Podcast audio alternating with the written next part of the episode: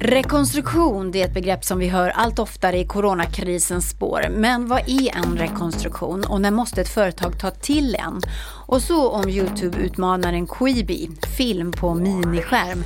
Kommer de att lyckas?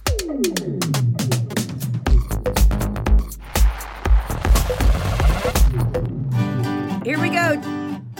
When the night has come eh, the land is dark. Hej, Katarina Andersson heter jag. Det här är Breakits podcast, en podd om det nya näringslivet. Johanna Ekström och Tobias Blixt är veckans spanare och det ska bland annat handla om alla bolag som ansökt om rekonstruktion den senaste tiden. Lindex, Flippin Burgers och Inte Sport till exempel.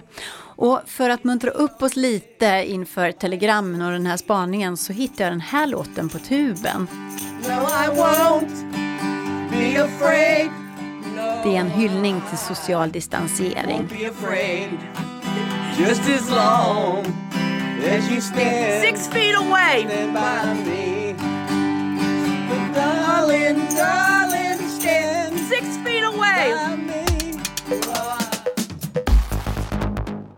I veckan kom beskedet att klädkedjan MQ går i konkurs. I höstas storsatsade MQ och gjorde om alla sina butiker till så kallade konceptbutiker som bland annat bjöd på fika, inredning och nya klädmärken. Kedjan bytte också namn till Market och framtidsförhoppningarna var stora. Men coronakrisen har alltså slagit undan benen helt på bolaget som redan hade ekonomiska problem. Det är ett djupt beklagligt besked, säger vdn Ingvar Larsson. Thank you. Den senaste tiden har regeringen fått hård kritik för att den gör för lite för det svenska näringslivet i coronakrisen. Men i veckan presenterades ytterligare åtgärder som ska hjälpa alla entreprenörer som just nu befinner sig i kris. Bland annat så kommer räntan på den föreslagna skattekrediten till företag halveras. Det kommer också förbättringar av systemet med korttidspermitteringar. Förslaget innebär att arbetsgivare nu kan minska arbetstiden för anställda med upp till 80 procent och att staten bär den absolut största delen av kostnaden. Tidigare gick det bara att korttidspermittera upp till 60 procent av medarbetarens arbetstid. Och mer om det här kan du läsa på Breakits sajt. I september förra året gick medieprofilerna Hanna Videll och Amanda Schulmans skönhets och modebolag i konkurs. Men bara några dagar innan det formella beslutet fattades köpte duon loss klädverksamheten från bolaget. Hela affären var på 6,1 miljoner kronor men bara 1,1 miljoner kronor betalades kontant. Resten kvittades mot en skuld som bolaget hade till ett annat bolag i systrarnas koncern. Lite komplicerat det här. Kärnfrågan är nu om systrarna på det här sättet trängde sig före i kön av andra fordringsägare. Medieprofilerna krävs nu på miljonbelopp och ärendet kan avgöras i rätten.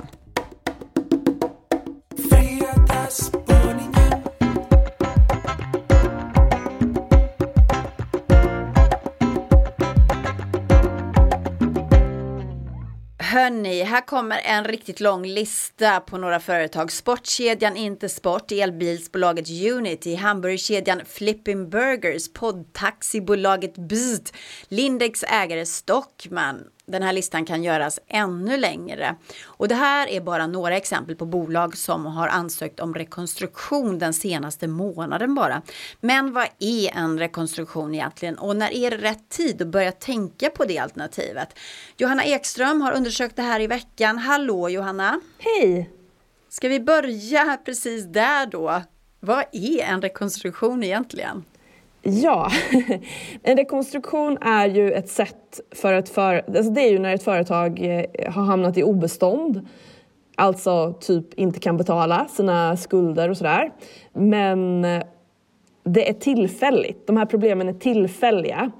Eh, och, då, och, och företaget är liksom livkraftigt i grunden och det kan, man, man kan anta att det kommer fortsätta vara det efter de här problemen.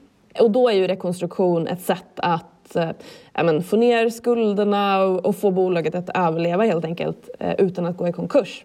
Och i mars i år då så ökade antalet rekonstruktioner från mellan 5 och 10 i veckan till 55 förra veckan. Det är ju en rejäl ökning kan man säga. Men när jag lyssnar på dig här så undrar jag så här. Man ska då få en chans att rekonstruera företaget. Är det en fegis grej att göra, att ansöka om rekonstruktion? Eller är det någonting som man måste göra?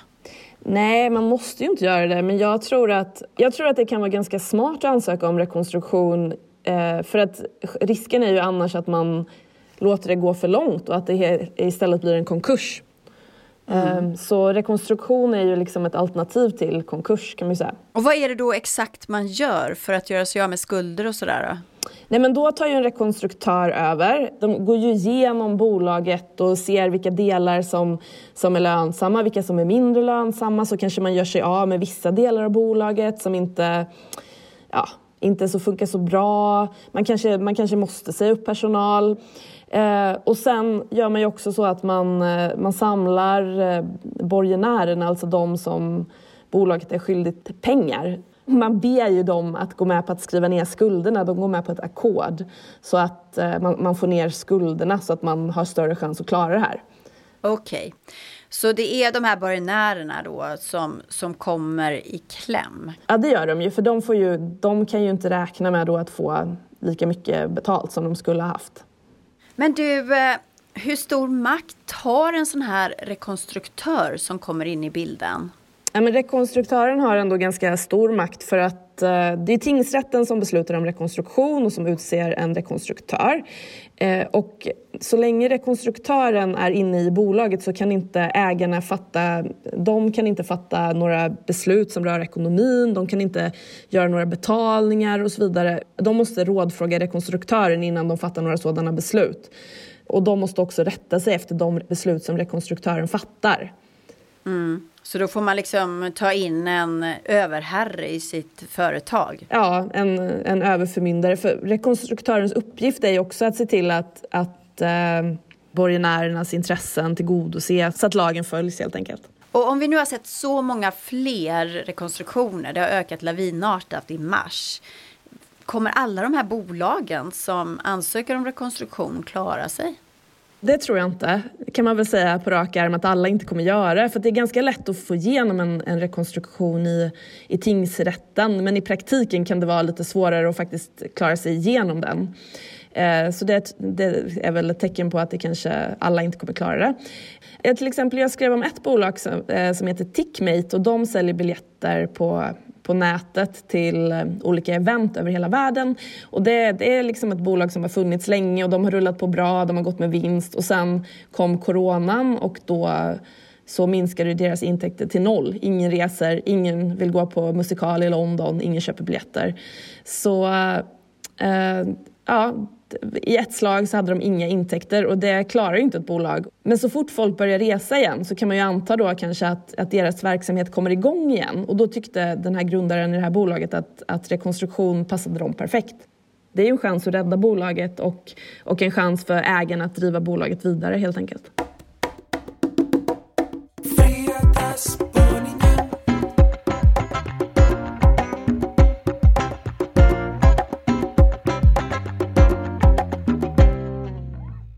Nyligen släppte två tunga techprofiler en helt ny streamingtjänst med fokus på korta format som är anpassade till mobilen. Det skulle kunna vara en Youtube-dödare men för många har säkert Quibi, som tjänsten heter, gått lite under radarn. Nu har vi Tobias Blixt här på tråden. Hallå Tobias! Hej Kat! Där sitter du hemma i Uppsala och socialdistanserar dig. Precis. Första gången med på, i podden på distans tror jag.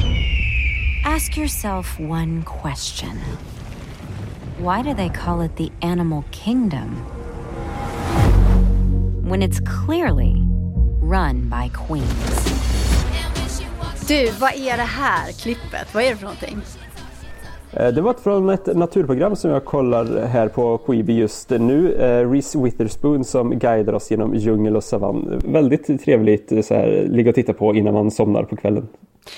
Okej, okay, det låter ju spännande med Reese i djungeln där, men kan du förklara lite mer vad Quibi är för någonting?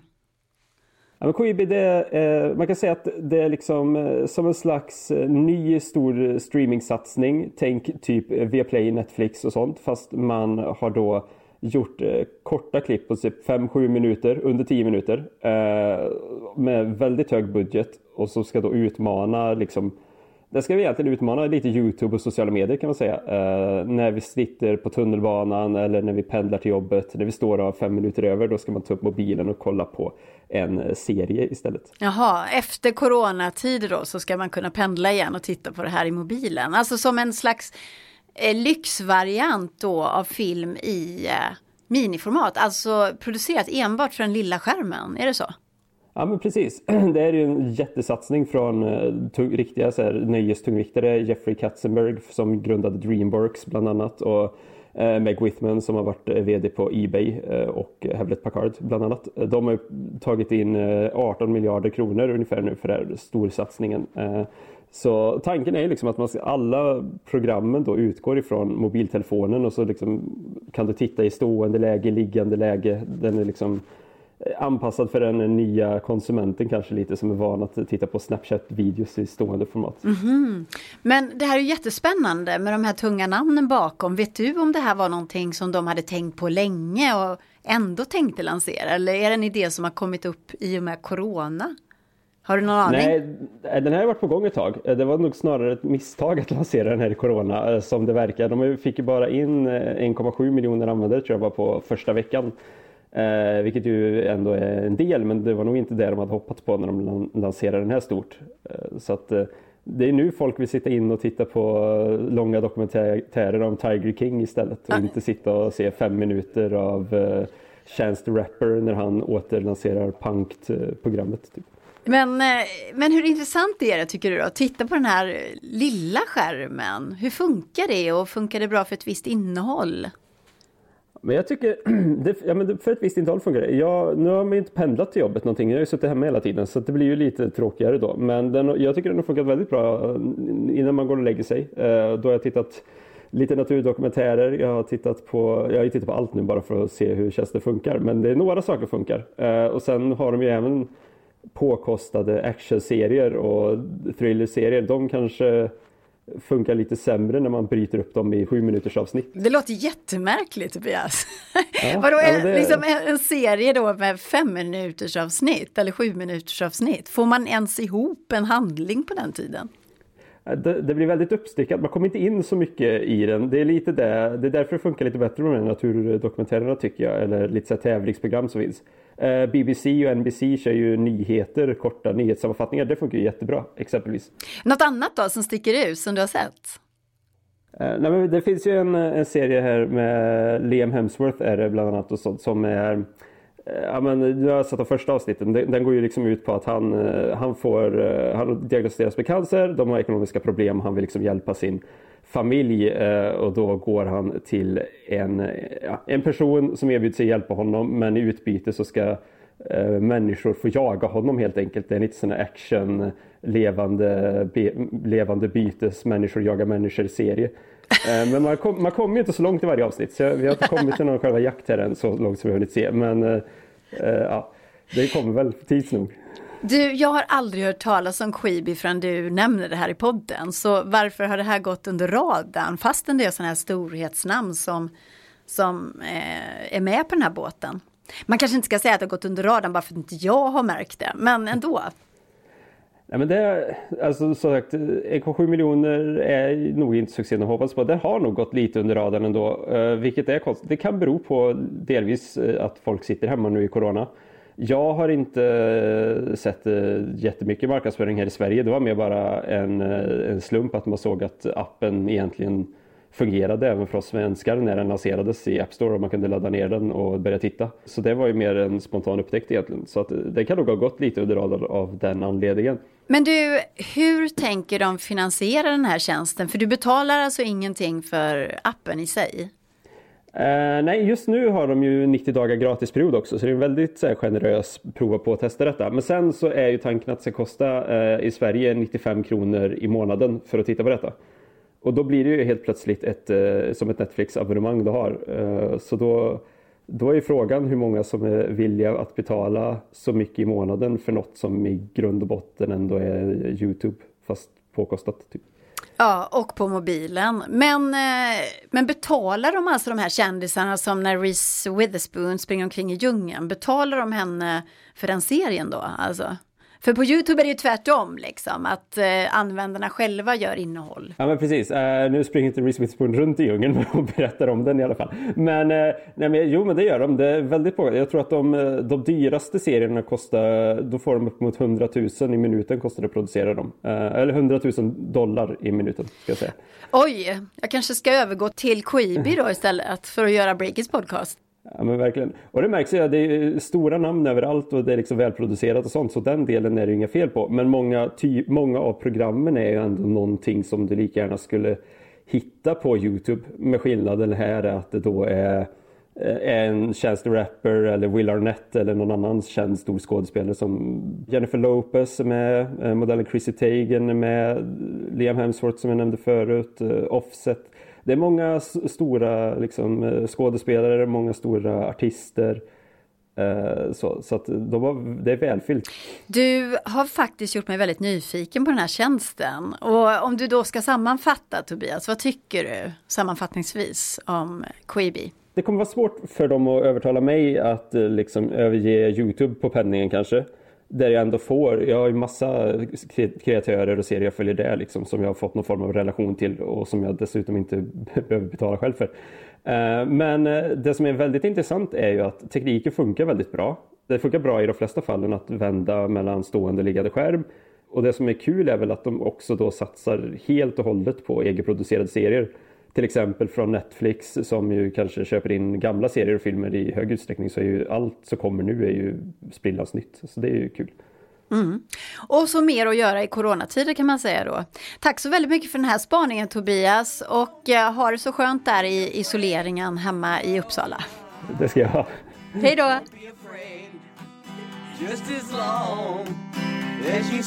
Six feet away. Darling, darling, stand Six feet away. Breakits podcast hör du igen nästa vecka. Tipsa någon kollega eller vän som behöver nya lyssningstips om oss. Då blir vi väldigt glada. Och vi som har gjort podden idag är redaktör Caroline Englund, Tobias Blixt och Johanna Ekström Spana. Och jag som klipper och mixar heter Katarina Andersson. Olle Aronsson är ansvarig utgivare. six feet away. Hi! Have a good day!